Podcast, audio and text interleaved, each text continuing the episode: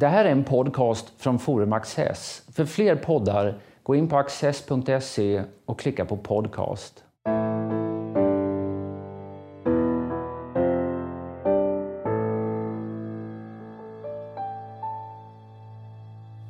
Välkomna till Studio Access. Min gäst idag är Vidar Andersson, eh, chefredaktör på Socialdemokratiska Folkbladet i Norrköping. Mm. Varmt välkommen Vidar. Stort tack. Vi ska prata om ja, politik i allmänhet, men det blir lite fokus på Socialdemokraterna ändå här. Eh, men låt oss börja i en lite speciell ände. Så här. Vad är arbetarkonservatism för någonting? Ja, för mig är det sådana här eh, värderingar som springer ur eh, ja, gamla eh, arbetarrörelseorganisationer, kan man säga, sammanslutningar men inte med betoning på gamla egentligen, utan alltså som, eh, som finns där och som eh, byggde och formade socialdemokratin väldigt mycket. Jag tänker på fackföreningar, eh, sparkasseföreningar, bildningsorganisationer och sånt där. Och som skolade människor in i ideal som har ju hängt med i våran tid. en tidigare partiledare, Mona Sahlin, då, till exempel, använde ju ofta det här liksom, gör din plikt, kräv din rätt. Och, och såna saker. Och det återkommer och finns där hela tiden. Det är liksom att eh, vårda kunskaper, att eh, ordning och reda, inte sprätta iväg med pengar, eh, tänka sig för, eh, arbeta hårt, det som formar välståndet. Eh. Det börjar i en sorts, vad ska man säga, självkontroll, självdisciplin, en sorts känsla av att det här ja. måste vi göra, ingen kommer att göra det åt oss. Ja, precis. Det... Och, eh, och mynnar ut i, finns det ett politiskt program som man skulle kunna kalla för arbetarkonservativt? Jag vet inte, men eh, jag tänkte det här när jag själv var aktiv i Socialdemokratiska ungdomsförbundet, vet jag, Metall, Industriarbetarförbundet som det långa namnet hette då, alltså IF Metall som vi säger idag de var ju väldigt aktiva när det gällde kunskap i skolan till exempel. Bedrev ju väldigt aktiva kampanjer på det. Och, ehm, och det här med att ehm, ja, med betyg, att eh, mäta sina kunskaper, att man verkligen lär sig någonting. Men det, det hänger också ihop, tror jag, med liksom Metalls långa engagemang typ för kärnkraft. Egentligen för att eh, basindustrin ska ha säker tillgång till el. Och ehm, därför att det är väldigt viktigt för välståndet. Då och för välfärden. Och... Betyg och kärnkraft, det är liksom så här, ja, det ska no, säga. no nonsense frågor. Ja, det ska jag säga. Och som eh, ligger mig nära också, så här, både känslomässigt och uppväxtmässigt och så vidare. Den sortens. Så här, med... mm. jag, jag, frågar liksom inte bara äh, rakt utifrån det blå här, mm. utan jag läste en artikel av dig nyligen där du tar upp en äh, en minnesartikel i sin tur som, mm. som ekonomen Nils Lundgren skrev om det, Bo Södersten. Mm. Där han skriver väldigt varmt om Bo Södersten ja. och säger att det här var för att vi, vi, vi fann en gemenskap därför att vi båda var arbetarkonservativa. Ja. Och det kändes som att du verkligen med viss förtjusning tog upp det där begreppet när du skrev. Ja, absolut. För det har, du har för mig signalerat liksom en stabilitet, en trygghet, en... En väldigt viktig del, nästan vill jag säga en omistlig del av socialdemokratin. Alltså som eh, i de här tiderna där det är väldigt ostadigt. Jag menar, eh, en arbetarkonservativ blev ju väldigt orolig till exempel när socialdemokratin rasade ihop och valde den annars alldeles utmärkt och trevliga Håkan Juholt till partiledare. Till exempel. Alltså att när inga stabiliteten kändes som bortblåst. Alltså det konservativa dragen, att man, man tar det lugnt, man tar det försiktigt, man tänker igenom och så där. Allt sådant tycktes vara förlorat i falangstrider och det, det, det gjorde mig djupt orolig. Det här att det, det, kommer liksom bakslag på bakslag för socialdemokratin ute i Europa. Eh, nu senast i Tyskland gick det mm. väldigt dåligt i valet. här. Det ser mm. hårigt ut inför valet i Österrike. Ja. Eh, har det att göra med att man har tappat bort det här eh, arbetarkonservativa arvet? Det kan nog ha påverkat. Sen tror jag att jämförelser med olika länder är alltid lite Eh, man har olika positioner och, och kulturer och, och, traditioner och sånt där. Men att eh, någonstans så finns det ett gemensamt drag där. Det tror jag. För det, det här konservativa ska man aldrig underskatta och det har ehm, det tror jag är en del av socialdemokratins framgångsformel i, i Sverige och säkerligen i en del andra länder också. Just det att man, ehm, man vårdar de vuxna och, eh, som man har haft ett tag. Så att säga. Och, eh, det är ingen slump, så, så har det varit länge, liksom, att eh, socialdemokratins väljare är, är ganska ålderstigna. Så, så man är erfaren och klok och gillar det här, laga efter läge, ja nu tar vi ett steg i taget här och nu ska vi inte förhasta oss. Och allt vi har gjort förut har inte varit dåligt, tvärtom. En del det vi gjorde förut kanske till och med var bättre än det vi gör idag. Hela det där anslaget alltså, är... Eh, vårdar man inte det så tappar du många och det är ju vad som har hänt. Menar, vi har ju förlorat många till, till Sverigedemokraterna, till Moderaterna och till soffan. Alltså. Är Stefan Löfven arbetarkonservativ? Ja, det ska jag säga. Ja. Sen tror han... Hur yttrar det sig? Nej, han börjar ju mycket så. Han vill inte ge sig hän in i det här eh, i, politik, i politisk pajkastning. Och han försökte ju så nu, nu ska vi samtala om problemen här. Och, och så där och hade väl en, kanske en överoptimistisk syn på hur partipolitiken fungerar. Och, eh, eh har väl fått tona ner de där dragen i sin, eh, i sin eh, personlighet, tror jag. För att, vet inte vad. Alltså, svårigheter handlar ju väldigt mycket för Socialdemokrater om att hantera Sverigedemokraterna egentligen. Och, och, och Sverigedemokraterna har ju en del väldigt konservativa drag. Och, eh, eh som är väldigt utmanande och nästan skräckinjagande på Socialdemokraterna. För även om partierna är olika så är väljarbaserna väldigt lika. Alltså de, det utgörs av lågutbildade människor och av äldre. Och det har, har en väldig dragkraft. Sverigedemokraterna har en väldig dragkraft på LO-väljare och på äldre, alltså på, vad säger, på arbetarkonservativa. Och, eh, du nämnde Mona Sahlin och hennes eh, uttalande där, eller mm. hennes eh, citerande en gammal fras som ett exempel på sån här arbetarkonservatism. Mm.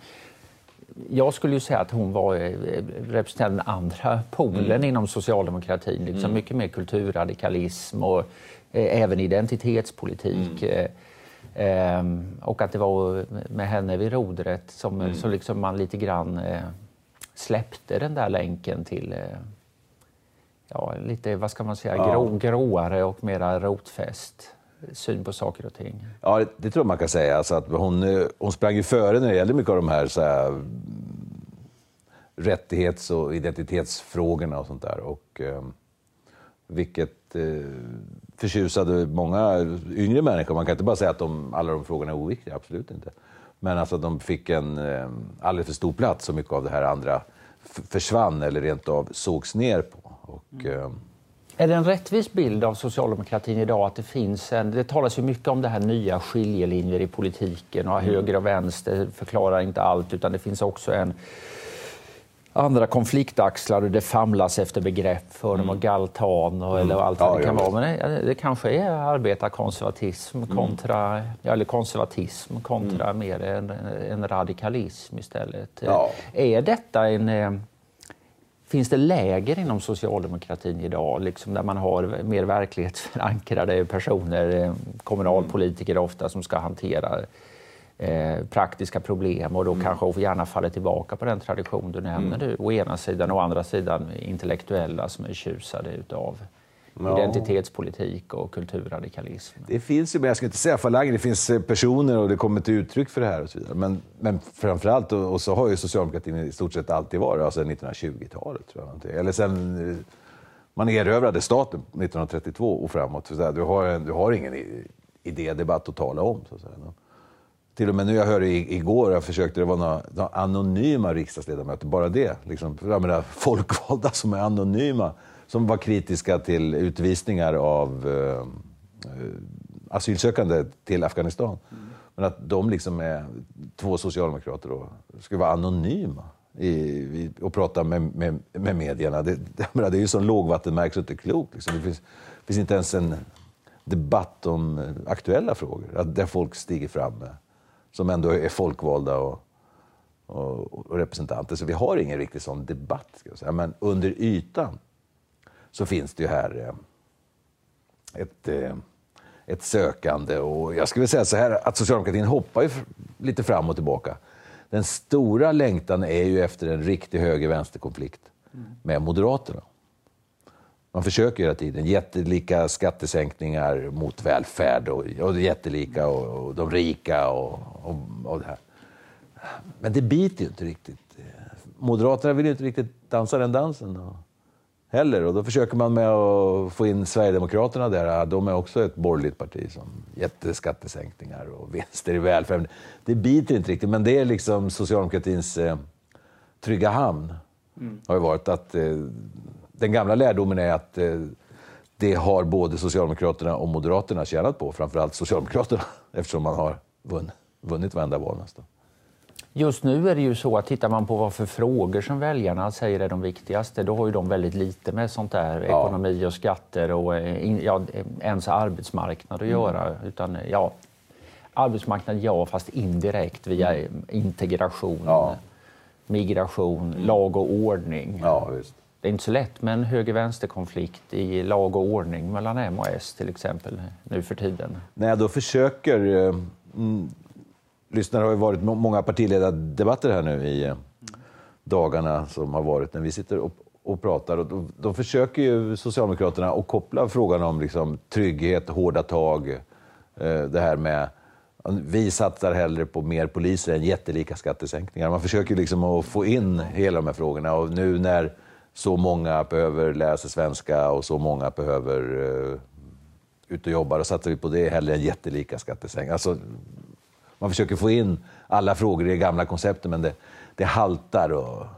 Samtidigt ska man ta hem att man sänker skatterna för pensionärerna. Mm, ja, ja, visst. Så du har inte helt lätt argumenterat. För jag menar, det är klart att eh, S har ju nu den stora fördelen att man anser sig kunna gå eh, till val på en, mycket, på en expansiv budget. Ja. Det är mycket åt många i den här budgeten som mm. nyligen har, har lagts fram. Både skattesänkningar och utgiftsökningar ja. för staten. Ehm, och sen att Konjunkturinstitutet och andra är mindre nöjda med detta. Det, det ja, politiskt överlever väl Socialdemokraterna det. Ja. Ehm, men att de, okay, de har en generös budget, men har de en idé? Finns det en, eh, finns det en tanke om... Eh, det här kanske är en romantisk föreställning mm. om att man ska ha en idé om vad politiken mm. ska göra för någonting. Men, eh, men söker man ett mandat? Upplever du det? Eller, eller upplever du att de upplever sig söka ett mandat? Nej, inte riktigt. Men från och till händer det att politiken söker ett mandat för att göra vissa saker. Jag tänker 94 till exempel. Eh, när eh, vi var, hade en väldigt, väldigt svår kris, då, var ju, eh, då trädde ju Ingvar Carlsson och Göran Persson fram där. Och ett väldigt tydligt mandat alltså att rädda välfärden, rädda välståndet helt enkelt. Och, och redovisa att här kommer vi skära ner, här kommer vi skära ner. Och gjorde ju de bästa, fick över 40 procent i valet och gjorde ett väldigt starkt mandat. Den borgerliga alliansregeringen, första mandatperioden, sökte verkligen ett mandat. Vi ska göra det här, vi ska sänka inkomstskatterna, vi ska förändra bidragssystemen och ersättningssystemen. Därför att man hade liksom en... Också det är väldigt framgångsrikt. Men jag tror nog att, utan att vara historiker alls, att eh, det är nog snarare undantagen. Ofta handlar det om muddling through, det vill säga att, eh, att ta hand om det. Vi är duktiga på att ta hand om det som händer. Mm. Och eh, så här tänker vi. Och, och förresten, har du barn så får du 300 kronor. Mm. By the way, mer sådär tror jag det är ingen högre, utan eh, det är också politik. Och, men det är, nog, det är nog mer den vanliga politiken egentligen. Alltså, man inte söker ett tydligt mandat. Vardagskonservativt. Ja, ja. Varken arbetare eller borgarkonservativt. Nej, nej, utan man, man hanterar verkligheten som den. Ja, jo, visst. Men även om man då inte har en stor plan, och det kanske är lika bra på många sätt och vis. Ja. Även om man inte har en stor plan så kan man ju behöva mindre planer, mm. mindre idéer på här. Vi, vi står inför saker. Hur ska vi muddle through dem? Ja. Hur ska vi klara oss igenom dem? Mm. Nu har man ju fått väldigt mycket hjälp av högkonjunkturen i några år mm. med att hantera eh, ja, statens finanser och ja. med eh, andra problem. Men det tornar upp sig en hel del besvärligheter här nu. Vi har, bostadsmarknaden börjar kärva. Det är en väldigt konstig situation. Det byggs som tusan. Mm. Bostadsmarknaden är stel. Och de som behöver, verkligen behöver bostäder har inte råd med det som byggs. Det där är, tycker jag mer och mer känns som en av de största frågorna i svensk politik. Och, eh, det här, den ligger i, i knät på en kommande regering. Mm. Har S någon eh, tanke kring det?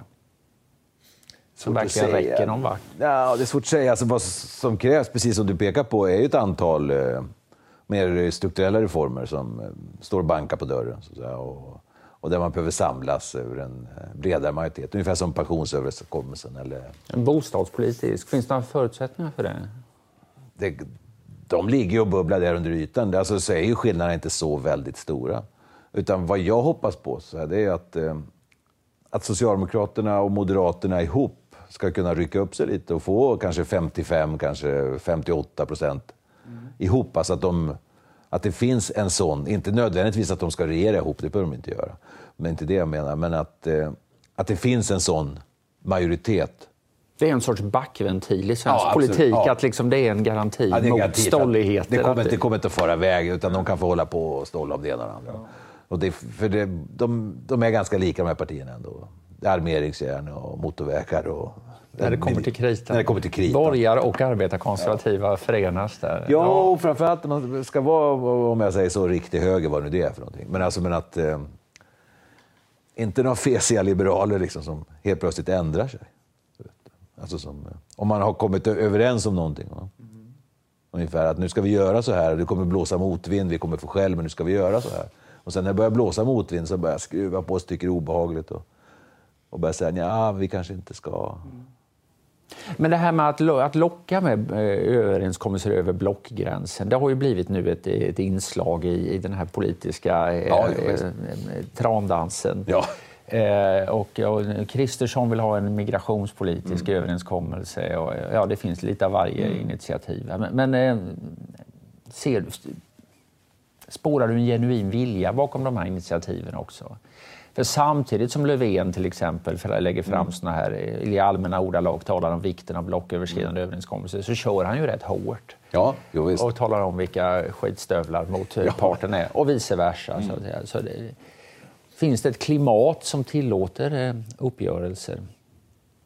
Eller behöver det finnas ett sånt klimat? Det kanske är så att man, man kan göra affärer med vem som helst eh, om det Ja, det behövs. bör, det bör man ju kunna göra.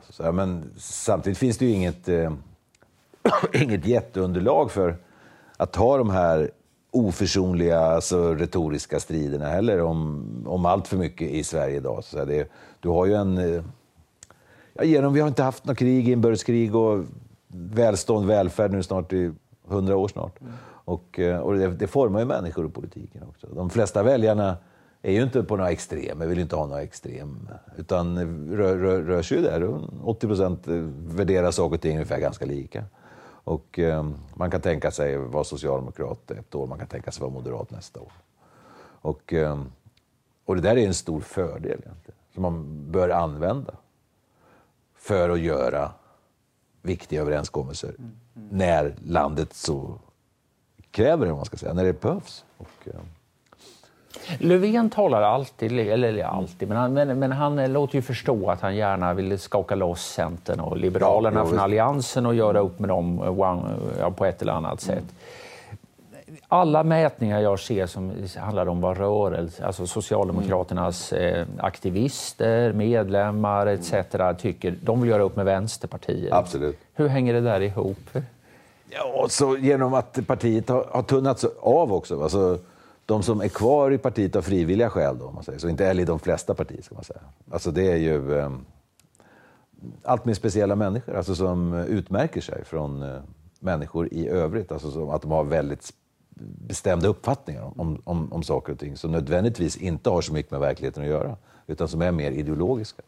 Och, eh, och de där får man, får man ju se upp med. Så att säga. Och, eh, men de finns i partierna och eh, i det socialdemokratiska partiet eh, så är det ju så. Men jag tror inte det spelar så stor roll sen när det väl, väl kommer till praktisk handling. Då tror jag det allra viktigaste är det som verkligen skulle, alltså som blir ödesfrågan för Socialdemokraterna.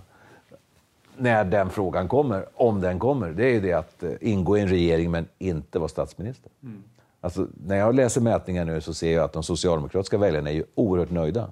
Om man jämför med hur andra medborgare är nöjda med saker och ting. Och det beror ju på att man har regeringen. Efter de här hemska åtta åren i eh, opposition. Och, eh, Annie Lööf har ju den här idén att om alliansen är större än Socialdemokraterna så ska man för att slippa ha med, ja om nu ja. vänstern blir större än de borgerliga, så att säga för att slippa ha någonting med Sverigedemokraterna mm. att göra så ska det bildas någon eh, jätteregering med, ja, eh, ja, med borgerlig statsminister ja, eftersom alliansen mm. sammantaget är större.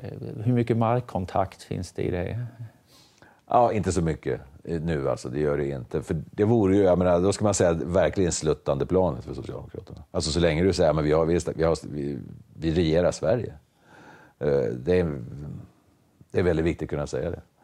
Och eh, det vore verkligen det sluttande planet. Så du har ju haft eh, två, om vi undantar krigsregeringen, så hade du med Bondeförbundet och sen nu med Miljöpartiet. Alltså, men har ju Socialdemokraterna delat makten. Men har ju aldrig funderat på att släppa statsministerpost. Men Stefan Löfven som finansminister i Ulf Kristerssons regering, om man nu ska vara konkret, ja, precis, hur, ja. hur sannolikt är det? Det, det känns eh, väldigt osannolikt, det ska jag säga. Men naturligtvis osvuret är bäst, men nej, jag tror inte på det. Alltså. Utan... Eh... Vad tycker de på LO om det här att Löfven riktar in sig just på Centern och Liberalerna? För det är ju de som har liksom kört hårdast mm. idémässigt i LOs frågor de vill ju lagstifta om lägre, lägre ja, ingångslöner och sånt där. Det ja. brukar ju LO tycka är väldigt dåligt. Ja, jo, visst. Ja. Jo, den gode Thorvaldsson, jag såg honom här i Stockholmstidningarna förra veckan tror jag. Någon av dem, kommer inte ihåg vilken. I en stor intervju där han gjorde klart att hädanefter nu skulle inte LO lägga sig i sådana saker. Varefter han i nästa mening lade sig i det med, med besked. Han ville absolut inte ha någon sån regering. Mm. Nej. Ja, det låter som ett mycket vanskligt löfte att ge, för det, det, det, kommer inte att hålla länge. Nej, nej, visst. nej men eh, det finns ju alltså, om, om, man bara tittar på om man bara tittar på mandaten och, och man utgår från att så stora förändringar mot nuläget i opinionen kommer det inte att bli efter nästa val. Mm. Inte så jättestora förändringar, det tror jag inte. Alltså om man, man tänker, det kan fördelas lite annorlunda mellan partierna på respektive block och sånt där. Och Sverigedemokraterna kommer förmodligen vara lite större. Men alltså ungefär samma. Mm. Då är det ju ändå så att eh, det mest troliga är ju att, alltså, då har, alltså, I och med att vi har negativ parlamentarism, det handlar inte om vilken statsminister du röstar för, eller, utan det handlar om vilken, ne, vilken votering lägger du ner rösterna. Att allt annat än en borgerlig regering med Ulf Kristersson som statsminister skulle ju förvåna oerhört mycket. Menar, de rödgröna, om vi nu, nu tänker så, mm. som du var inne på, att många inom socialdemokratin vill hellre regera med vänstern. Mm. Och skulle de tre rödgröna partierna, om vi nu säger så, då, även om jag ogillar det djupt, för det, men vi säger så. Så eh, de, de har idag 159 mandat, det saknas 16, alltså till 175. Idag talar ingenting för att de ska vinna de där 16. Men skulle man göra det, då tror jag inte då har man ingen val, då kommer Löfven att kunna bilda en sån regering. Alltså med, eh, då kommer Vänsterpartiet att prövas verkligen. Alltså man, man vill ju verkligen inte sitta i regering. Man, man ser ju hur det går för de som sitter i regering. Man kommer in med udda idéer och sånt där. Men, men att eh, det skulle ske en sån överspringning på de tre rödgröna partierna, ja, det finns ingen som tyder på det idag i alla fall. Det kan jag säga. Utan då har du en... Eh, idag har de fyra borgerliga har ju 140. Mm. Och eh, om, eh, om Sverigedemokraterna lägger ner sin röst så, har, så, så, kommer inte Ulf Kristersson att få en majoritet mot sig och kan därmed väljas. Mm. Utan, utan aktivt stöd av Sverigedemokraterna. Och så du har ju en latent borgerlig majoritet i riksdagen. Mm. Och jag skulle tro att Men vad skiljer det från situationen som den är just nu? Alltså det är ju, då, om, om, man ser detta som ett resultat, om, man är, tror att, om du tror att man är beredd att acceptera det från borgerligt håll, alla de fyra borgerliga partierna, ja. varför i all världen gör de, ja. ställer de inte misstroendevotum med detsamma? Ja, ja, visst. Nej, det är väl därför att det här måste nog gnuggas. Alltså, det här är en svår fråga. Alltså med Sverigedemokraterna då. Men vad, vad, vad det handlar om, steg ett är att, de, att Sverigedemokraterna i så fall måste lägga sig platt till marken. Det vill säga att, att lägga ner sina röster och att inte ställa några, några större krav. Sen i praktisk politik så kommer, är det inga problem tror jag att komma överens om ett och annat i så fall. Men då, Annie Lööf, i, i ett sånt läge efter valet kommer ju ställas i väldig press på henne. Ska hon vägra? Här finns det en, en chans för en, en, regering och vi ska göra det, vi ska göra det och skatterna och landsbygden och allt, allt vad det är. Och det ska du vägra och vill hellre att de rödgröna ska regera och förstöra landet. Ja, det är klart, Kristersson kan ju syna henne ja. efter valet ja. genom att tacka ja till ett erbjudande från ja. talmannen. Men det, ja. Ja, ja, det, alltså när det här med Sverigedemokraterna, det, det var ju länge en taktik eh, ifrån eh, ja, alla de andra partierna kan man väl säga, att liksom, man skulle säga att deras politik var så hemsk att man inte kunde ha med dem att göra. Efter omläggningen eh, 2015 och 2016 av migrationspolitiken har det blivit mycket svårare att hävda detta. Ja. Utan nu är istället, samtidigt har man ju skruvat upp tonläget eh, nyligen och, och då handlar det inte så mycket om den politik de står för som vilka de är. Ja, deras just. egenskaper och mm. människosyn och historia och allt sånt här. Möjligen kan detta vara effektivt eh, fram till valet 18 men, men är detta den långsiktiga strategin för att hantera Sverigedemokraterna? Eller dämpa dem? Ja, man försöker. ju. Jag såg på eh, partiledardebatten i Agenda i, i Sveriges Television här alldeles nyligen så var det ett intressant, en intressant replikväxling mellan Ebba Busch, eh, Thor Tor för Kristdemokraterna och Jimmy Åkesson på Sverigedemokraterna. Jag menar, e-, Ebba Busch hon såg honom djupt i ögonen och sa att varför gör du det så svårt för oss? Alltså, alltså oss som kan tänka sig att eh, ja, komma överens med er om, om, om, om saker och ting. Du har ingen ordning på din riksdagsgrupp. Alltså. Och då var det ju ja, nya händelser som gruppledaren hade gjort. Och är det inte det ena så är det det andra. Och det, jag, jag tror det ligger en del i det där. Ibland framstår Jimmy Åkesson som Ja, alltså, som väldigt ensam som en ordentlig... Han är ju en, en väldigt lysande politiker, det får jag säga. Men han, han framstår fortfarande ha mycket oordning. Alltså man kan säga det i, i sin riksdagsgrupp. Mm med konstiga uttalanden och konstiga grejer som ploppar upp hela tiden. Ja, minst sagt. Ja.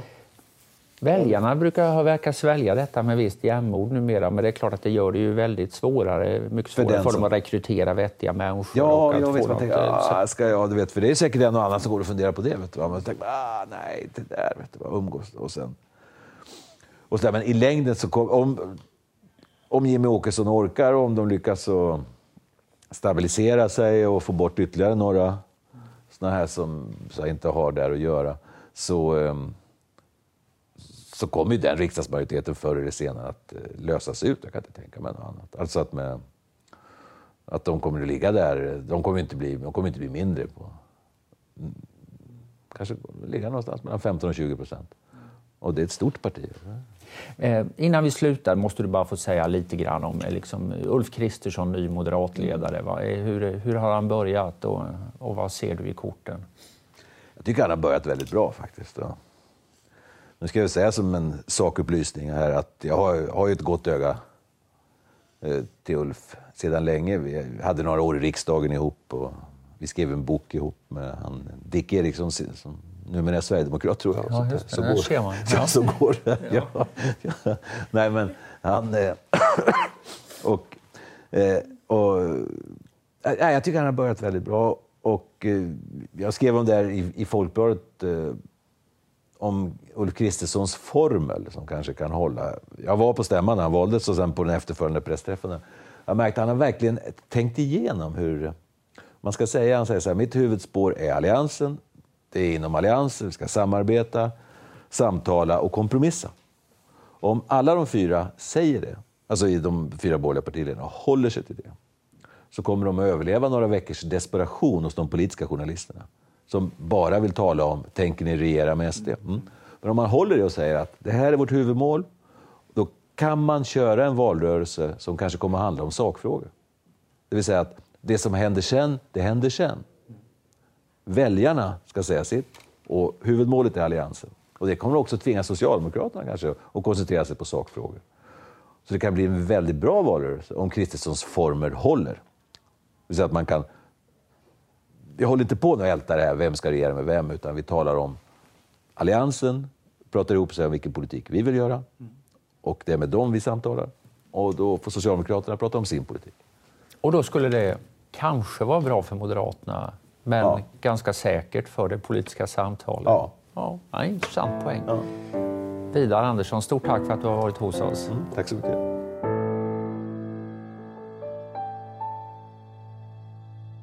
Och här kommer några extra minuter med mig och min gäst. I hur hög grad är det så nu att politiken är definierad av att det går så bra i, i ekonomin. Vad händer när det viker? Ja, då kommer vi ett helt annat samhälle. Just nu går det ju verkligen på högkonjunktur. Och, um... Även om jag såg att John Hassler, här, ekonomiprofessorn, mm. han hade gjort någon bild när han visade hur svensk ekonomi har utvecklats jämfört med övriga Europa. Mm. När man tittar på BNP per capita, mm. alltså BNP per person, Sveriges befolkning ökar ju väldigt snabbt. Ja.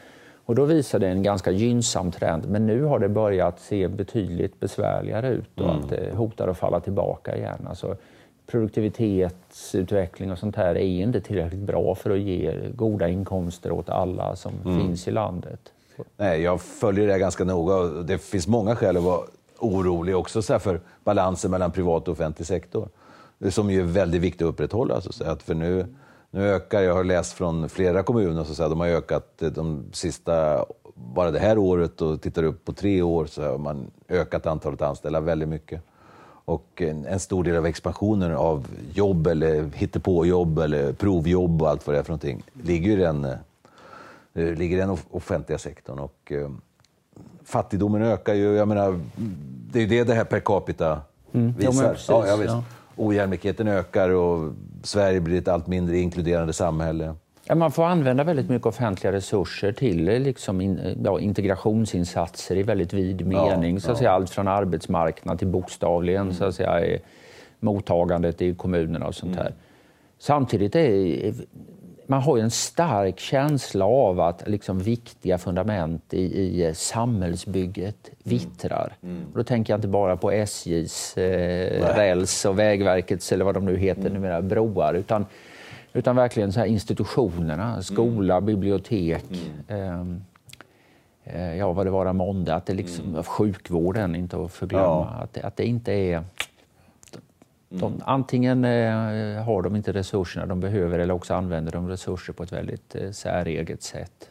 Ja, och det är nog en mix. Jag skulle kunna tänka mig att eh, när det gäller sjukvården eh, till exempel så tror jag att det är en mix av resurser och organisation. Jag kan för mitt liv inte fatta varför vi inte professionaliserar sjukvården, oavsett om det är statligt eller hur det ska vara, men att man inte professionaliserar den, att vi håller fast vid de här lekmannastyrena runt om i, i, i regioner och landstinget till exempel. Jag menar, det, är en, eh, det är en tjuv på produktivitet och effektivitet som eh, jag, jag tror inte man kan överskatta. Alltså man tänker att Sverige har färre invånare än vad London har ja, och ändå ja. ska det skötas av 21 ja, olika landsting. Så ja. det... och jag vet inte hur många Almedalsseminarier jag har varit på där detta behandlas, jag tycker det är väldigt intressant. Och de sista 15 åren är det precis samma, det vill säga att de kan inte samarbeta, olika läkemedel blir godkända här men inte där. Eh, den främsta cancerbehandlingen får du här men inte där. Medan man står och mässar här varenda år i riksdagen om att det ska vara jämlikt, det ska inte vara någon skillnad var du bor. Och samtidigt så håller alla ett system under armarna som bygger på att jo, det ska vara skillnad. Det ska vara en jävla skillnad. Här får du behandling så du, så du, så du dör, här får du behandling så du lever. Och en, det, en inte oväsentlig skillnad.